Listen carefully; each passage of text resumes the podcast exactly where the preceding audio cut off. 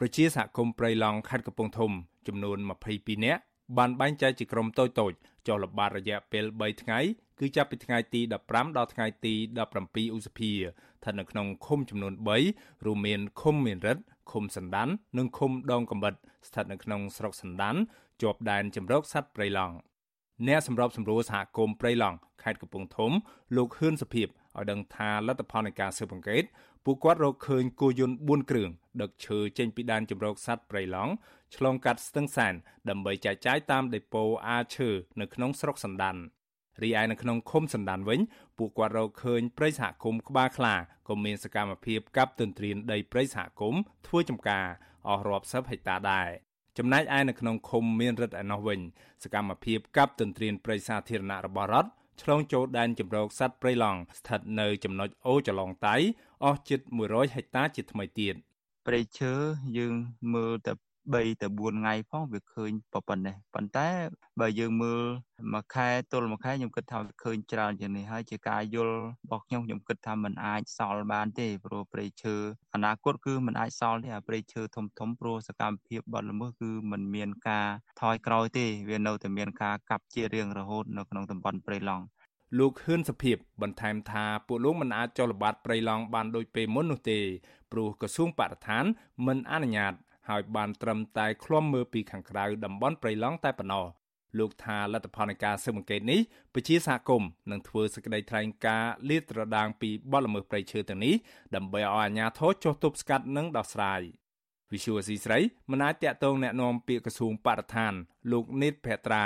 និងអភិបាលខេត្តកំពង់ធំ លោកសុកលូបាននៅឡើយទេនៅថ្ងៃទី18ឧសភាព្រោះទូរស័ព្ទហៅចូលច្រើនដងតែគ្មានអ្នកលើក ចំណែកឯប្រធានមន្ទីរបរិស្ថានខេត្តកំពង់ធំវិញ លោកតបកកដាក៏វិសុវអាស៊ីស្រីមិនទាន់អាចតាក់ទងបានដែរនៅថ្ងៃដដែលនេះ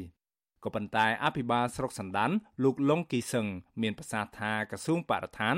បានបង្កើតស្នាក់ការ9កន្លែងនៅក្នុងស្រុកសណ្ដានដើម្បីទប់ស្កាត់សកម្មភាពទន្ទ្រានព្រៃអភិរក្សនិងកាប់ឈើខុសច្បាប់រីឯខាងក្រៅដែនអភិរក្សវិញក៏មានមន្ត្រីរដ្ឋបាលព្រៃឈើរបស់ក្រសួងកសិកម្មចូលរួមការពារព្រៃឈើផងដែរ លោកសន្យាថានឹងចាត់ឲ្យមន្ត្រីជំនាញចុះស៊ើបអង្កេតសកម្មភាពទន្ទ្រានរានដីព្រៃ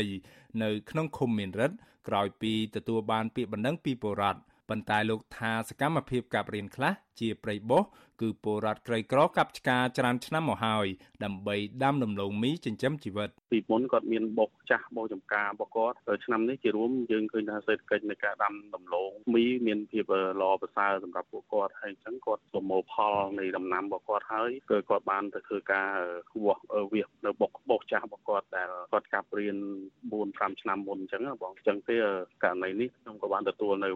បណ្ដឹងពីបងប្អូនជាពលរដ្ឋមួយចំនួនដែរហើយខ្ញុំនឹងរៀបចំចុះទៅពិនិត្យមើលជាក់ស្ដែងទៅលើការងារនេះជុំវិញរឿងនេះមន្ត្រីសិទ្ធិអំណាចសហគមន៍មូលដ្ឋាននៃសមាគមអាត6ប្រចាំខេត្តកំពង់ធំលោកប៉ែនបូណាយល់ថាការរកឃើញបទល្មើសព្រៃឈើទាំងនេះគឺជាភ័ស្តុតាងជាក់ស្ដែងបង្ហាញថាអ ுக ្រិតកម្មព្រៃឈើនៅតែកើតមានច្រើន ដែលទាមទារឲ្យស្ថាប័នពាក់ព័ន្ធដោះស្រាយនិងចាត់វិធានការជាបន្ទាន់ជនល្មើសអ ுக ្រិតជនហើយអ្នកធ្វើទី2យើងគិតថា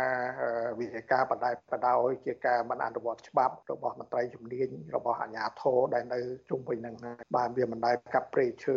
ច្រើនហើយអាជ្ញាធរមិនដឹងមន្ត្រីជំនាញមិនដឹងកាប់ឈើដឹកចេញមិនដឹងយើងអាចចោទពីបទមិនប្រឹងបរិហាមាត្រា523បានដែរបាទអញ្ចឹងណាបាទ មន្ត្រីសង្គមសវរុនេះបន្ថែមថាក្តីបារម្ភទាំងឡាយរបស់ពលរដ្ឋរឿងសកម្មភាពកាប់ទន្ទ្រានដីព្រៃនិងកាប់ឈើនៅក្នុងព្រៃអភិរក្សនឹងគ្មានទីបញ្ចប់ឡើយដរាបណាក្រសួងបរិស្ថាន នៅតែរដ្ឋបិទពជាសហគមន៍មិនឲ្យល្បាតព្រៃការពារព្រៃឈើ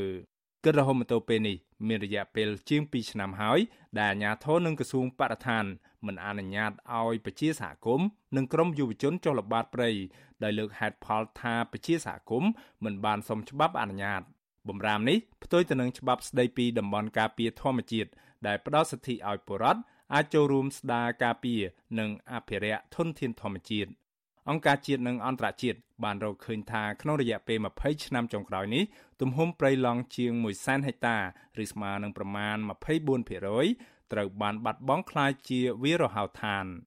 ខ្ញុំបាទមេរិត Visual Asia រាយការណ៍ពីរដ្ឋធានី Washington